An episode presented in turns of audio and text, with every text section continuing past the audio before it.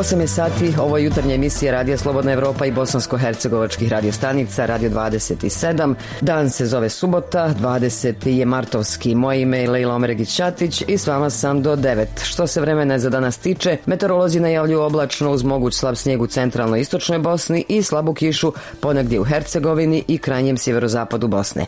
Jutarnje temperature od minus 7 do 5, a dnevne će biti od 2 do 12 stepeni.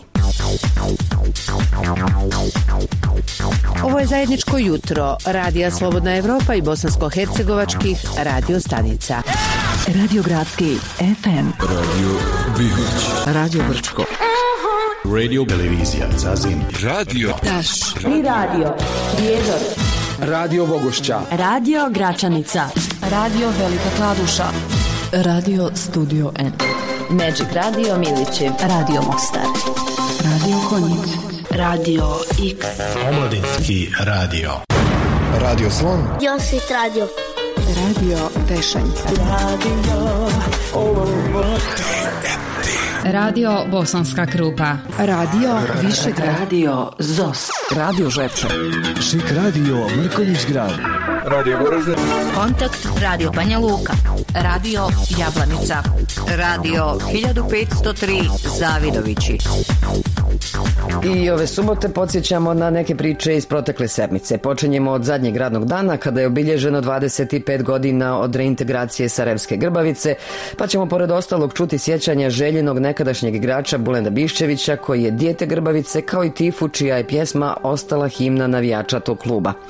Veliki uspjeh postigao je film Jasmile Žbanić ko vadi Saida ušavši u uži izbor stranih filmova za Oscar, pa jutros poslušajte razgovor sa glumicom Jasnom Đuričić koja je ostvarila glavnu ulogu. Bosna i Hercegovina ima i svoju 15-godišnju plivačku kraljicu, Mostar Kulanu Pudar, koja se kvalifikovala za olimpijadu u Tokiju. Kažu da je rezultat koji je nedavno postigla u Beogradu najvrijedniji ikad isplivan na takmičenju u Srbiji, ako se izuzme univerzijada 2009.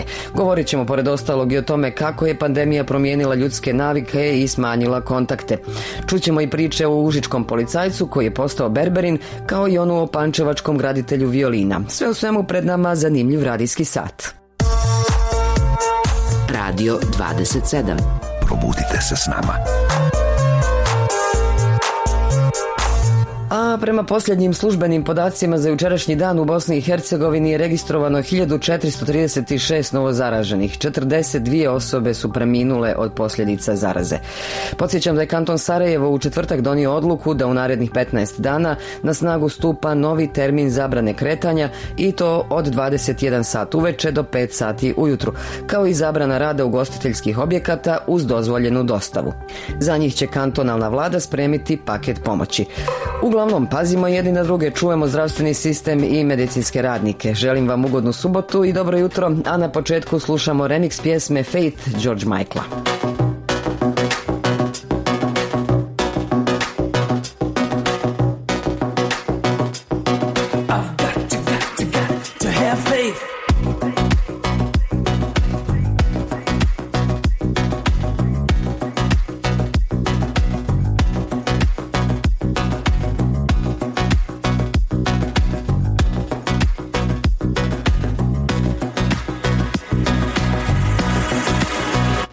Guess it would be nice if I could touch your body.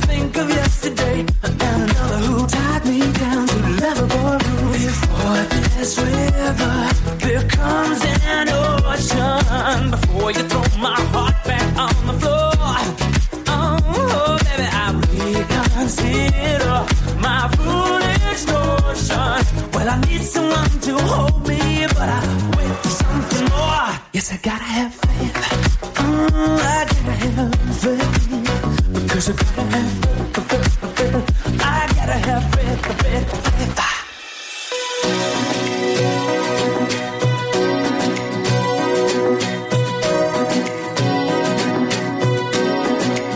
Because I've got to have faith.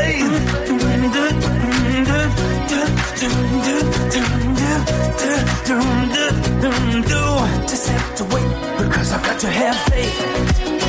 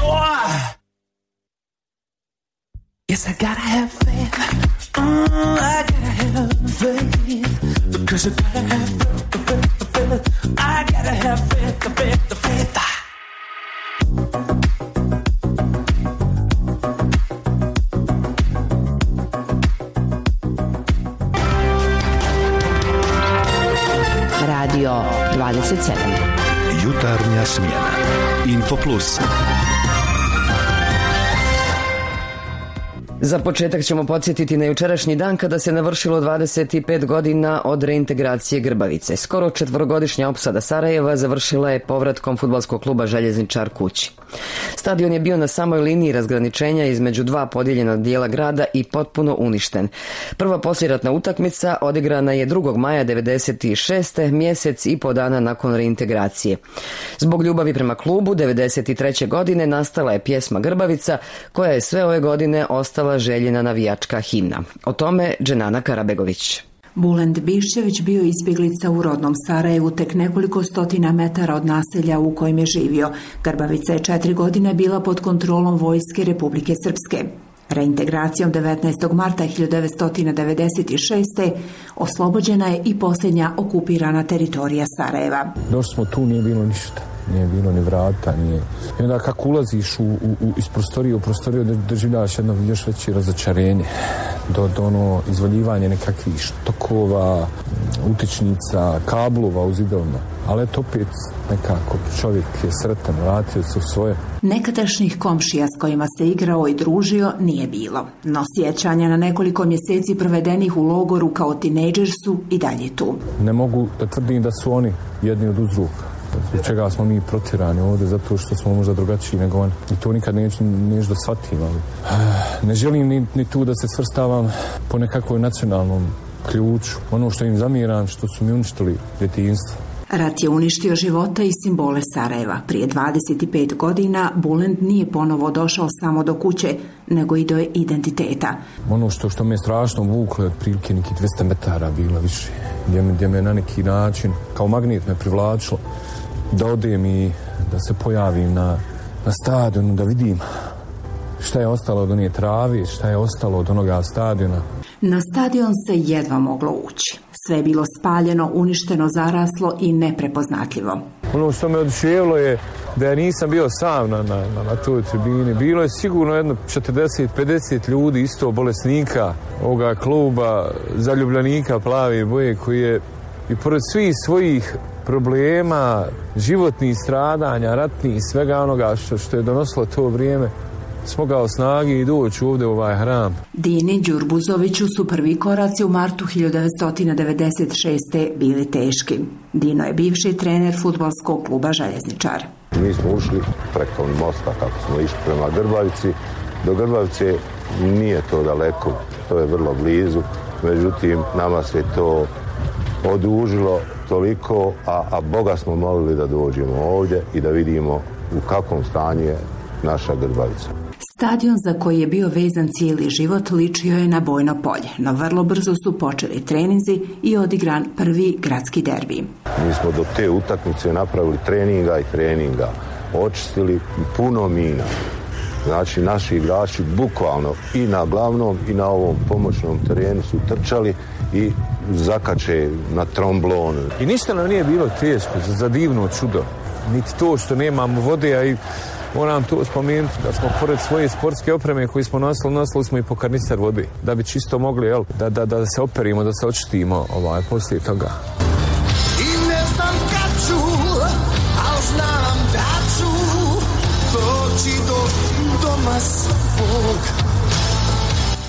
A onda željim stadion, gledam, vidim ponos tvoj, život ću dati, ali tebe ne dam, jer ti si život moj. Život ću dati, al tebe ne dam. Pjesma nastala u ratu postala je himna obje Grbavice. Stihove Mustafe Čizmića otpjevao je Mladen Vojčić Tifa.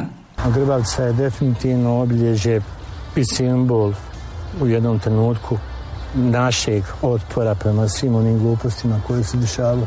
Ulice Grbavice više ne gledaju iz daleka. Grbavica više nije bolna, a Željin stadion ostao je ponos. Danas je to moderan opremljen stadion na kome neki novi klinci sanjaju o slavi, dok će u školama možda učiti o naselju i stadionu na kojim je završena najduža opsada jednog grada u novijoj istoriji svijeta. Za radio Slobodna Evropa iz Sarajeva, Dženana Karebegović. Slike svakodnevnice šta muči ili inspiriše mlade kako prošle političke odluke utiču na našu budućnost. Ove i druge teme slušajte u podcastima Radija Slobodna Evropa. Sve epizode pronađite na iTunesu, Spotify, Google podcastima kao i na slobodnaevropa.org. Slušajte odmah ili preuzmite epizodu za kasnije. Tu smo svakog dana. Podcasti Radija Slobodna Evropa.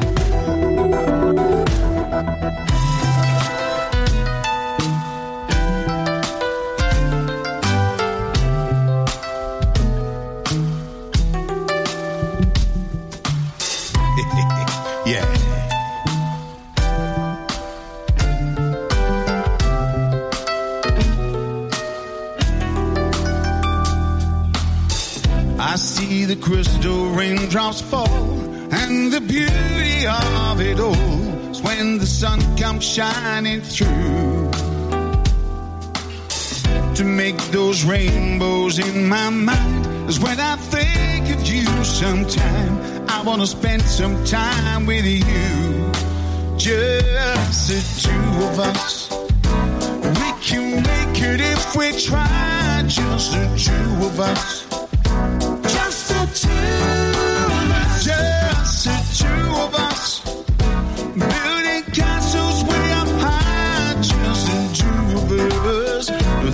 And I. We look for love, no time for tears. Wasted water, so that is. And it don't make no flowers grow. Yeah. Good things might come to those who wait, but not for those who wait too late. Cause we gotta go for all we know. Just the two of us. Can make it if we try. Just the two of us.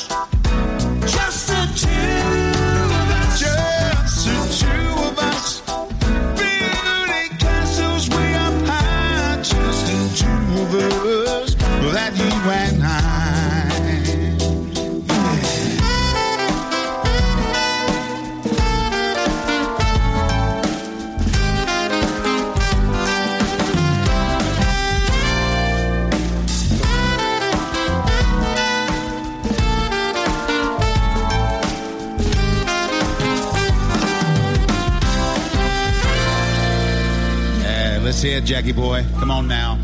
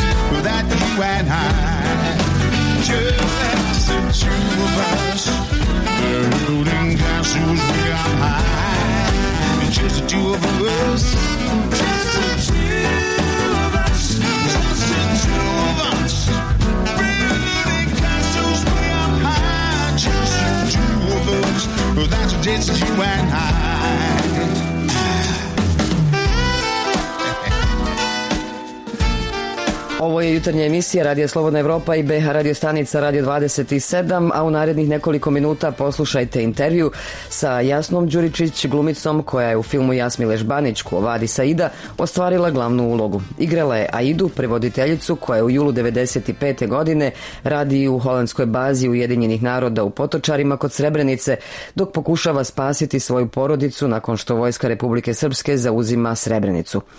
Vadi Saida izabran je uži izbor stranih filmova za nagradu Oscar. Đuričić kaže da su se u ovom filmu slila sva njena iskustva. Razgovarala Meliha Kešmer. Izbor filma Quo Vadis Aida u užu selekciju za nagradu Oscar za glumicu Jasnu Đuričić važno je priznanje, posebno jer je riječ o značajnoj temi koja, kako kaže, inače trese naš region u raznoraznim smjerovima i izaziva burne reakcije. Prilika je to da film pogleda što više ljudi, kako na prostoru bivše Jugoslavije, tako i u čitavom svijetu. Za radio Slobodna Evropa govori Jasna Đuričić. Naša želja je bila praveći ovaj film, naša zajednička želja da, da, da, da to bude e, film u slavu pomirenja naših a ne nikako u onom drugom smeru u raspaljivanju daljih nekakvih uh, negativnih konotacija i, i raspirivanja mržnje. Ja. Kada je došlo do ove, do ove glavnih nominacija, da sada nema čoveka koji neće želeti da, da pogleda. Sada, sada stvari već postaju veoma sumnjive. Znači, ako je to, ako je to stiglo već do Oscara, pa čekaj onda onda čekaj, onda sad baš da je tolika propaganda i da, da, da smo mi toliko baš moćni da smo mogli ne znam šta, da koga podmitimo, potkupimo da bi naš film prošao. Ja mislim da je to sada, sada svima jasno da nema ničega od toga i da prosto je u pitanju jedan veliki kvalitetan, ozbiljan, pravi film sa pravom temom. I prije igranja uloge u filmu Đuričić je, kako kaže, znala mnogo o Srebrenici, ali i o drugim mjestima zločina na prostoru bivše Jugoslavije. Film se bavi temom genocida u Srebrenici, no za Đuričić film ne govori samo o tome. Ja ne bih rekla da je to samo o tome. Ja bih rekla da je to o svim majkama koje su izgubile. Naravno da tu film tretira taj događaj, jeli? Ali kako da vam kažem, isto tako kao što znači ja znam sve srebreničke majke, mi se nismo srele sticajem okolnosti, ali kako da kažem, sve što postoji živo u vidu uh, zapisa na papiru, u vidu zapisa video, uh, uh, svedočenja svega, ja ih sve znam i kako kažem, nekako nekako ih osjećam kao da su moje drugarice, ne znam, kao da su mi rod, razumete.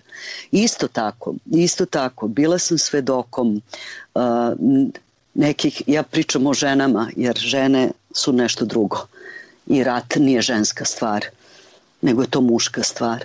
Prvi film o genocidu u Srebrenici, kaže Đuričić, najvažnije je da pogledaju mladi ljudi. Mladi s kojima je već razgovarala o filmu kažu joj da su uzdrmani onim što su vidjeli, ali i da je zapanjujuće koliko malo se zna o genocidu u Srebrenici. Možda je i dobro što se sada sve online događa, zato što možda će onda oni biti hrabri da u mraku svoje sobe na svom kompu ili laptopu da uključe ipak taj film, a da niko neće ni znati od roditelja da su oni to pogledali i da nekako možda nešto to pokrene u njima, barem neko pitanje, pa čekaj, čekaj, šta je tu zapravo bilo? Dodjela nagrada Oskar bit će održana 25. aprila. Za radio Slobodna Evropa iz Sarajeva, Meliha Kešmer. What about sunrise? What about rain? The things that you said we were to gain? What about killing fears? Is there a time? What about all things that you said was yours and mine? Did you ever stop to notice all the blood you shed before? Did you ever stop to notice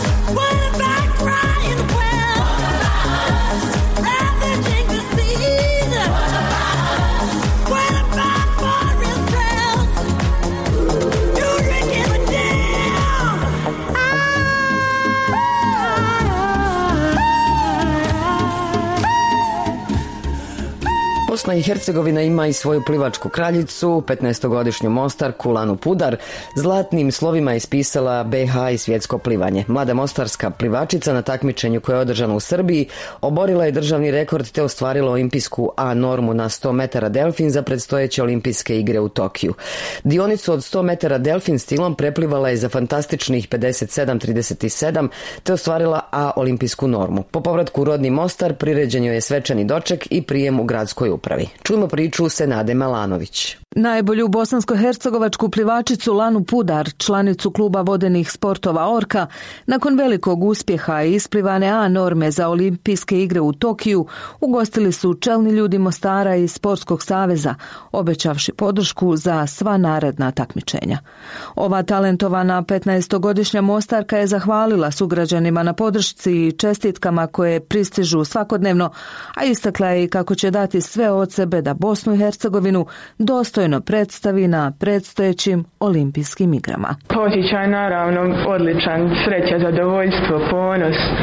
Um, a kasnije te kada sam saznala koliko je taj rezultat vrijedan, da je um, drugi u ovoj godini na svijetu odmah iza mog uzora Sarah Sjostrom koja je svjetska i olimpijska prvakinja i rekorderka, taj osjećaj zadovoljstva je bio još veći. Također taj rezultat je i finale olimpijskih igara u Riju i medalja sa svjetskog prvenstva iz 2019.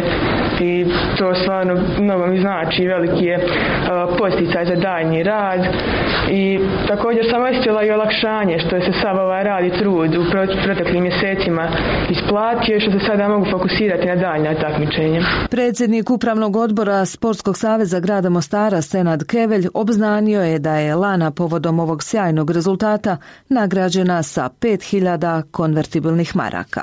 To je nešto što se mi dešava svaki dan, pogotovo na ovim prostorima. I to je nešto što je učinilo sretnim ne samo građane Mostara, mogu slobodno reći i građane Bosne i Hercegovine u ovim teškim i tmurnim vremenima. Kad je u pitanju sportski savez i podrška ovaj, našoj najboljoj plivačici koja je izabrana jeli, za 2020. godinu, ovaj, mi smo i do sada u kontinuitetu podržavali generalno rad sporta, rad plivačkih klubova, tako i plivački klub Orka. Juče smo na održanoj sjednici upravnog odbora donijeli odluku o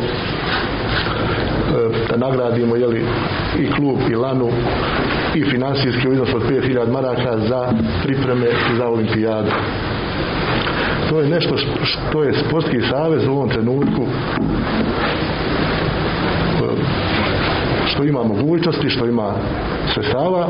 Nadam se do odlaska na olimpijadu da ćemo, da ćemo i dodatno jeli, podržati. Predsjednik kluba vodenih sportova Orka Damir Đedović je uz riječi zahvale konstatovao da nakon silnih uspjeha plivača iz Mostara ovaj grad konačno mora riješiti pitanje bazena koji mu nedostaje. Bazen ovaj se ne treba praviti samo radi lane, ovaj bazen treba se praviti dakle radi potencijalnih lana kojih je ovaj grad i ova sredina sasvim sigurno puna.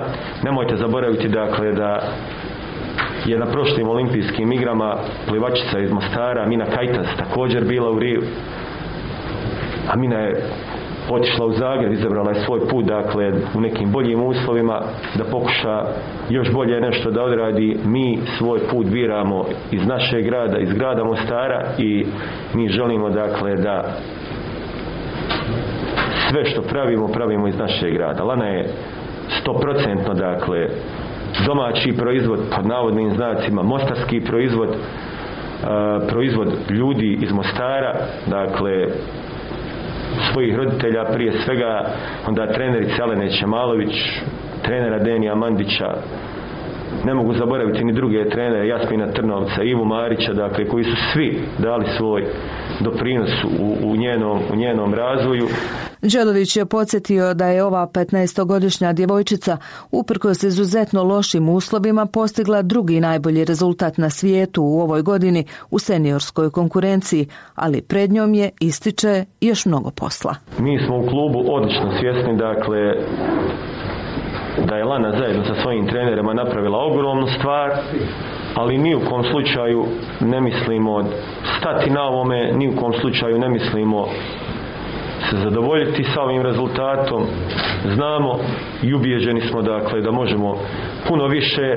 Nama je sad u ovom trenutku najbitnije da uspijemo završiti ovu financijsku konstrukciju vezano za pripreme, tu ćemo imati maksimalnu podršku i olimpijskog komiteta, dakle to smo već dobili, dobili i zvanično obavještenje. I da pokušamo na olimpijskim igrama što dostojnije da predstavimo Bosnu i Hercegovinu, a prije tih olimpijskih igara Lana ima i dva vrlo jaka takmičenja. Europsko seniorsko prvenstvo gdje ćemo otići da malo skupimo dodatnog iskustva, da se razumijemo i neki deset dana prije olimpijskih igara Lana ide na Europsko juniorsko prvenstvo, tu su nam već malo veća očekivanja. Lani i njenom timu obećana je i sa lokalnog i sa državnog nivoa puna podrška u daljem radu, što će joj nadajmo se pomoći da ostvari svoje, ali i naše snove. Za Radio 27 iz Mostara, Senada Malanović.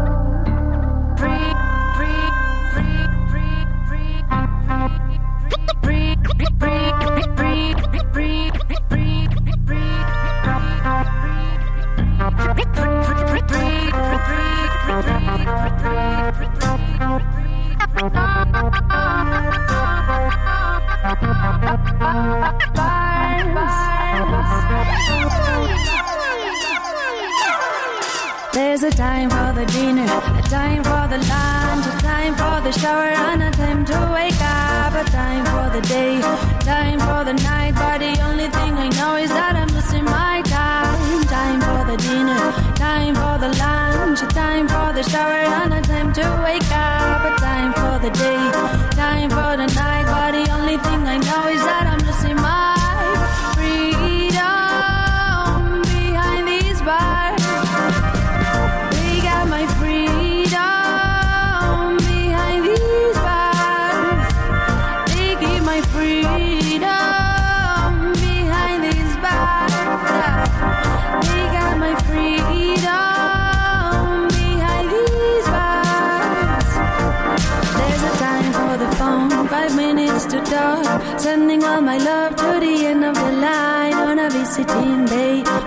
Mommy's outside, waiting in line for a chat through a glass. There's a time for the phone, five minutes to talk. Sending all my love to the end of the line on a visiting day.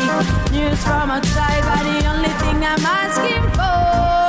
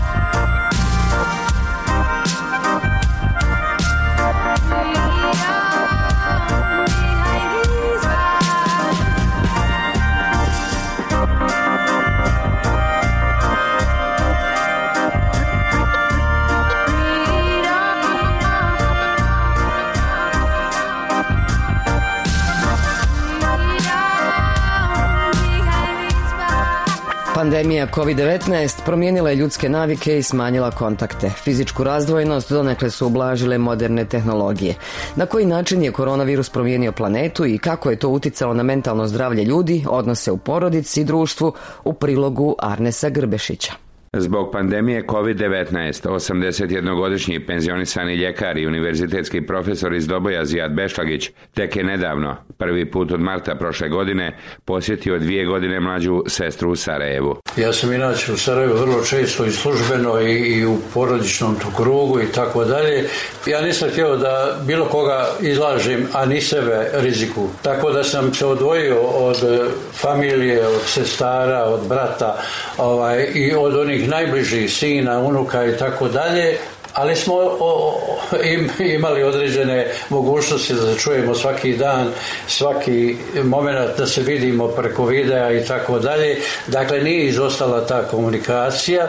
Tokom prošlogodišnjeg lockdowna profesor Bešlagić je počeo da piše knjigu o uticajima pandemije na psihofizičke sposobnosti ljudi i zdravstveni sistem u Bosni i Hercegovini. Vidio sam da ima jako, jako velikih reagovanja i sve zavisi od toga kakav je mentalni sklop ličnosti, kako dočeka tu izvanrednu situaciju, a kad je u pitanju zdravstveni sistem, uočio sam jako mnogo felera, tih nedostataka koje sam u toj knjizi opisao i dao konkretne prijedloge kako se treba rješavati to u nekom budućem periodu. Ne znamo, danas je COVID-19, sutra će biti neki dru, neka druga bolest. Prvo da zdravstveni sistem vode zdravstveni stručnjaci, a ne zdravstveni političari. Da se poštuje struka i nauka, da se poštuje njihov, njihov prijedlog i njihova uloga u cjelokupnoj situaciji a stručnjaci su odigrali značajnu ulogu i 1972. godine, kada je dr. Bešlogić kao mladi ljekar zbog epidemije variole vere u bivšoj Jugoslaviji učestvovao u vakcinisanju stanovništva na području Doboja. Dobio sam zadatak od glavnog direktora zdravstvenog centra iz Doboja da organizuje vakcinaciju protiv velikih boginja i u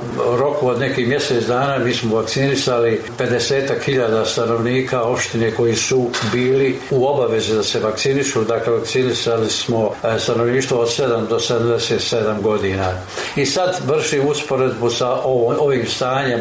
Ja se kao doktor i kao pojedinac, kao građanin jadno osjećam. Sada imamo 13 ministara zdravstva, ali nemamo dovoljno stručnih kadrova, materijalne osnove ni brige za društvo, kaže dr. Zijad Bešlagić i poziva na odgovornost prema sebi i okolini. Treba sačuvati dakle psihičko zdravlje i fizičko zdravlje i prilagoditi se ovoj situaciji dok ne dođu bolja vremena, a bolja vremena će doći kad budemo ispoštovali sve ove mjere koje su danas na snazi, kad bude vakcinacija i kad se budemo vakcinisali i revakcinisali bar u 70%, a dotle valja nam biti odgovoran prema sebi, prema drugima i na neki način ne gubiti nadu da neće biti ništa kao što je bilo prije korone. Ja to ne vjerujem. Biće lijepih dana, biće svega onoga što je činilo život lijepim. Za radio Slobodna Evropa iz Doboja, Arnes Grbešić.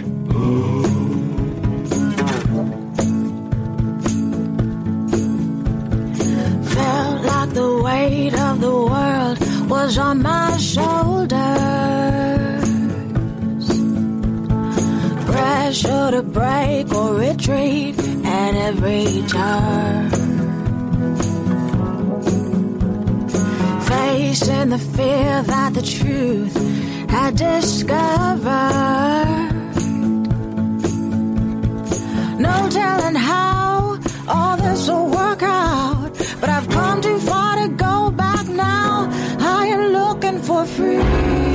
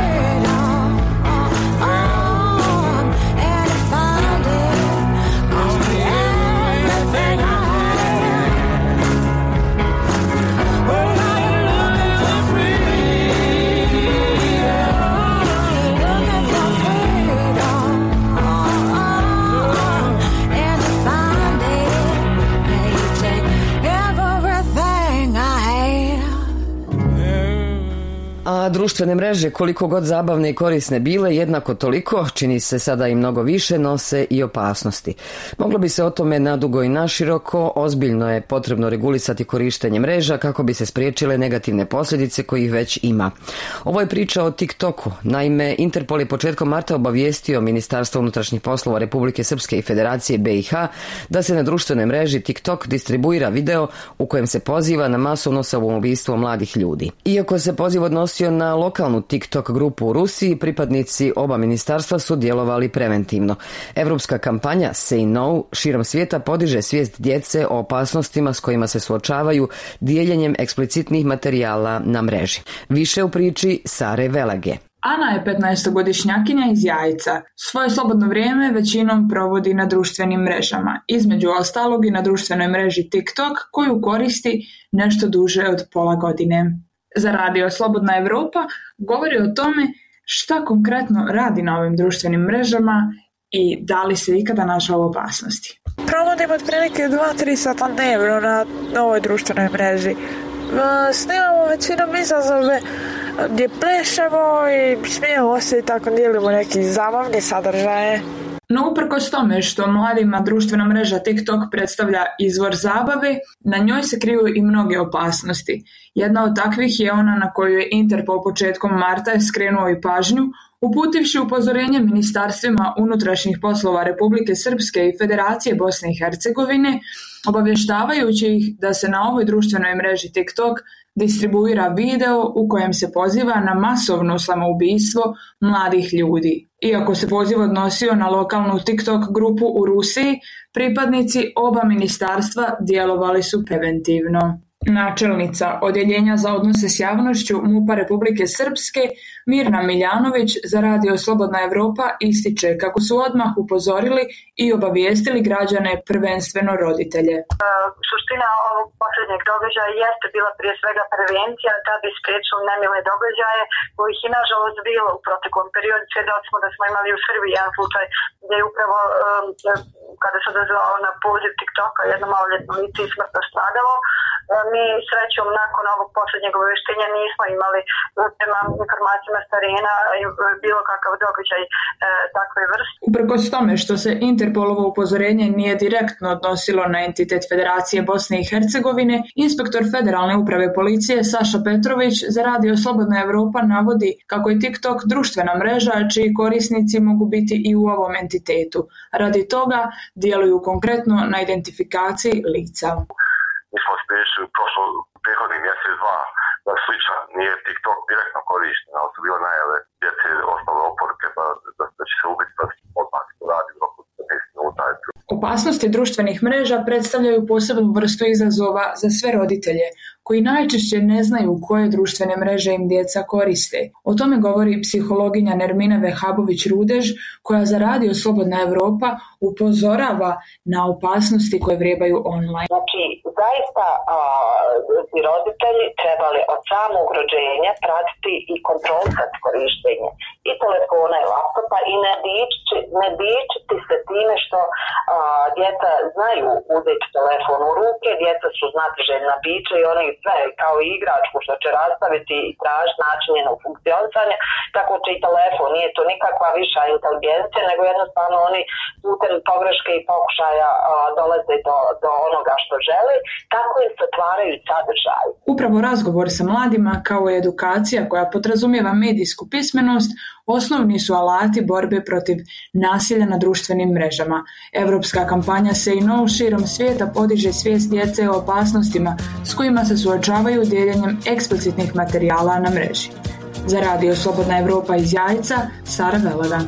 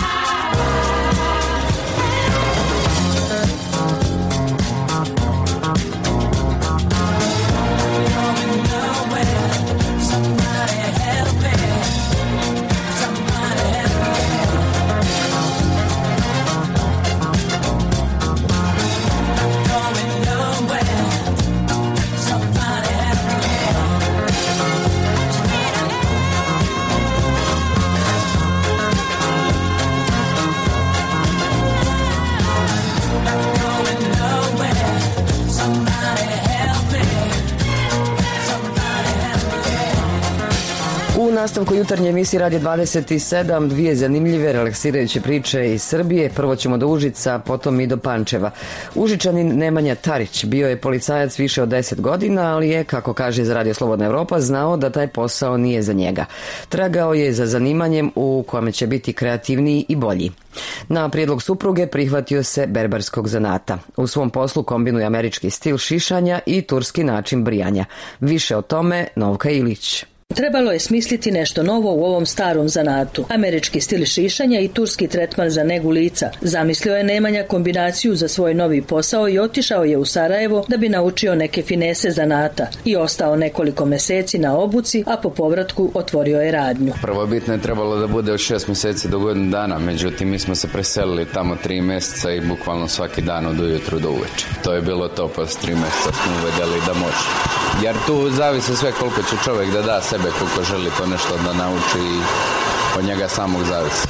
Lepo se zarađuje, hvala Bogu, krenuli smo, postali smo bum u gradu preko noći jer sasvim smo drugačiji. Ako je nešto novo, neka bude baš novo. Tako je Nemanja zamislio svoj posao, pa je mušterijama ponudio takozvani kraljevski tretman. Imamo peeling lica, depilaciju lica, čišćenje lica koncem, e, kraljevski tretman što je naš, da kažem, glavni produkt gdje je celokupna naša ponuda sjedinjena. To pokušavamo još uvijek da približimo Užičanima. Za sad su pozitivne reakcije. Čišćenje lica i onda se prebacujemo na našu šamponjeru gdje nam je fotelja masažna. Masažeri se aktiviraju, masiraju lumbalni deo, ležni deo i imamo masažer koji radi šijacu masažu stopala. Radnja za sada ima dva berberina, Nemanju i Đorđa, a uskoro će primiti još dvojicu jer ima dosta posla. I Đorđe Glogonjić bio je sa Nemanjom na obuci u Sarajevu. Nemanja je tražio frizera, berbera koji će da ide sa njim na obuku. Ja sam se preko tog rođaka njemu javio, tako smo se upoznali, tako je krenula cijela priča. Ja sam negovao bradu i kosu mnogo ranije pre ovoga, pa baš zbog toga što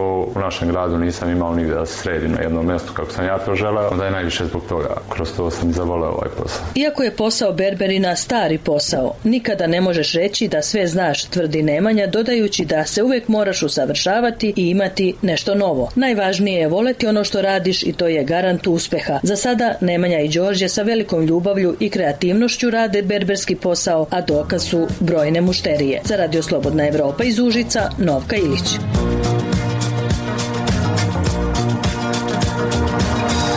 A Jan Nemček iz Kovačice kod Pančeva je druga generacija graditelja violina, poznatih po ručnoj izradi po ugledu na stare italijanske majstore. Njegove violine odlikuju potpuno ručna i precizna izrada, kvalitetni materijali i izuzetna akustika, zbog čega dobija poručbine iz svih dijelova svijeta.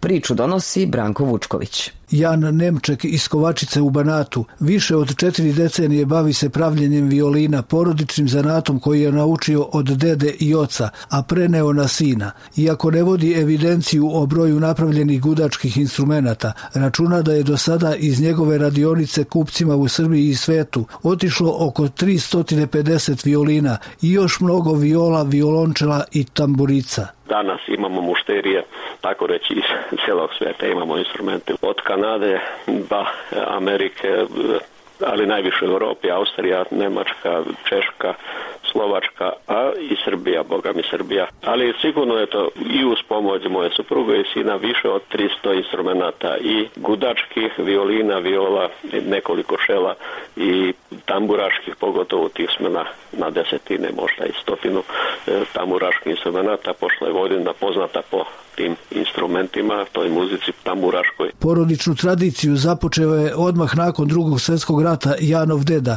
čija su četiri sina formirala Nemček kvartet, ali nisu imali instrumente, a novca je bilo samo za jednu violinu. Više nije bilo para da se kupi instrumenta, da su bili jako, jako skupi i oni su sami se prihvatili nekog alata, imali su neku staru tezgu, dleta i napravili su i kontrabas i violu i violinu i već 48. su oni svirali svadbe, zabave Nemčekov kvartet. Dve violine, viola i kontrabas. Jan je odrastao u radionici muzičkih instrumenata koje je njegov deda pravio po osjećaju i uz muziku koju su njegov otac i stričevi svirali prema sluhu. Onda sam normalno ja u takvom ambijentu odlučio i da se malo opismeni, oni su bili potpuni amateri što se tiče nota i pogotovo gradnje, ali eh, kažem ja sam imao sreće da sam završio muzičku školu Mokranja srednju i onda sam ja pošao njihovim stopama i radim to već 42 godine.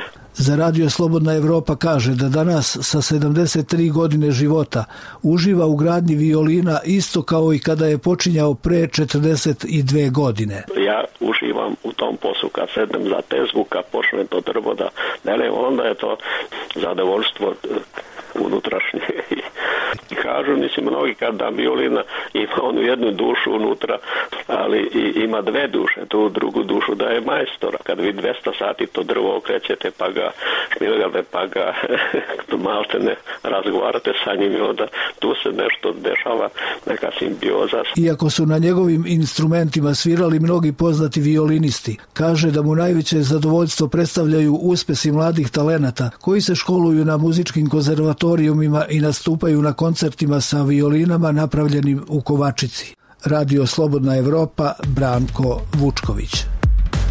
Slike svakodnevnice šta muči ili inspiriše mlade kako prošle političke odluke utiču na našu budućnost.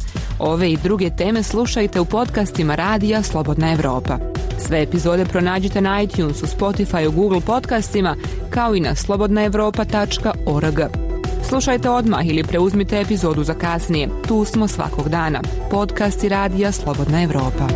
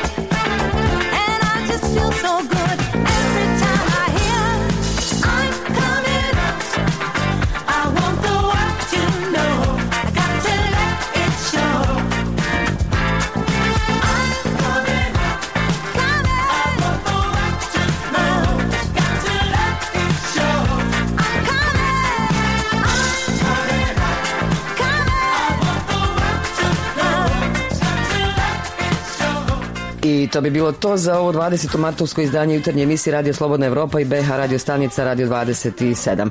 Sve naše sadržaje možete naći na web stranici slobodnaevropa.org, dok podcaste Zaviri ispod površine, glasom mladih između redova, osim na web sajtu možete naći na Facebooku i Twitteru, kao i na Spotify, Google podcastima i iTunesu. Ja sam Lilo Meregić Ćatić, do slušanja, ugodan dan, bye bye.